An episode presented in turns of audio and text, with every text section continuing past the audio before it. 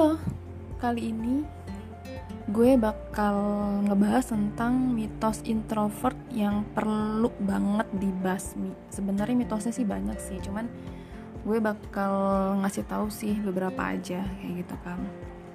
Jadi uh, setelah lama nggak bahas introvert ya, kita ngomongin soal yang sederhana dulu aja lah tentang mitos-mitos soal introvert kayak gitu kan.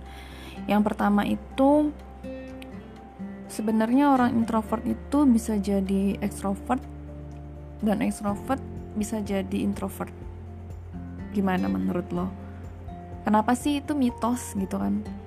Karena sebenarnya kita itu udah jadi diri kita padanya emang dari lahir gitu loh.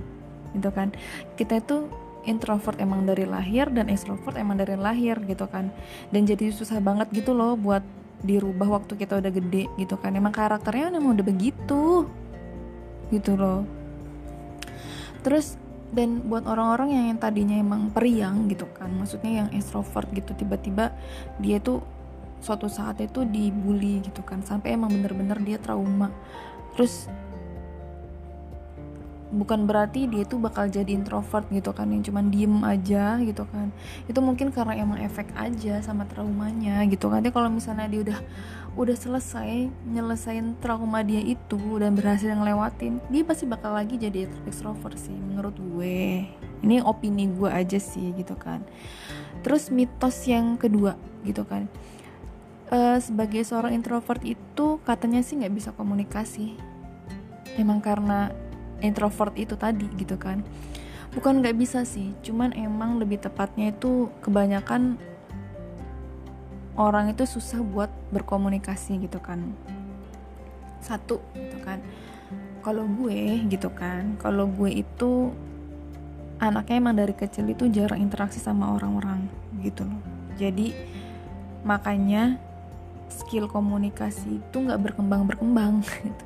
Nyambung kan gitu loh dari kecil banget gue emang anaknya itu seimut-imutnya gue lah gimana perempuan lah gitu loh.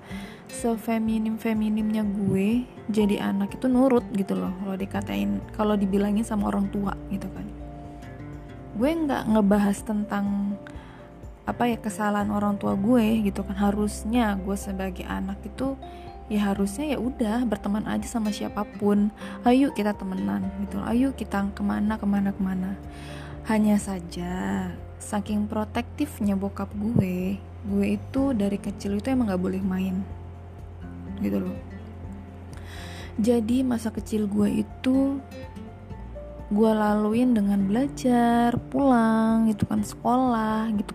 Kayak nggak ada waktu buat main sama teman-teman gitu waktu SD sih kayaknya gue masih masih masih main mana-mana ya gitu kan. Tapi tetap aja dilarang sampai sampai gue SMP gitu kan. SMP gue itu full banget sampai sore gitu kan. Jadi kayak nggak ada waktu buat main sama tetangga main sama teman-teman di situ gitu kan. Kayak nggak ada banget gitulah gitu kan. Jadi waktu gue tuh cuman buat belajar di rumah belajar di rumah makan tidur udah gitulah kayak gitu kan jadi kenapa gue lebih sedikit berinteraksi sama orang gitu kan? Sebenarnya kalau misalnya gue lebih banyak ngobrol lebih banyak apa ya ya temenan aja dari kecil gitu pasti masalah itu bakal selesai gitu kan. Jadi gue sih gue sih nggak masalah ya kalau misalnya skill komunikasi gue tuh berkurang gitu kan. Makanya gue pengen belajar gimana. Jadi gue nggak khawatir gitu kalau misalnya skill komunikasi gue tuh emang belum berkembang gitu. Jadi semua itu proses sebenarnya proses banget. Lanjut ya. Kenapa gue bilang proses gitu kan? Karena semua hal itu nggak ada kata terlambat. Nggak ada kata terlambat buat mulai gitu. Jadi kalau misalnya lo sebagai introvert gitu kan.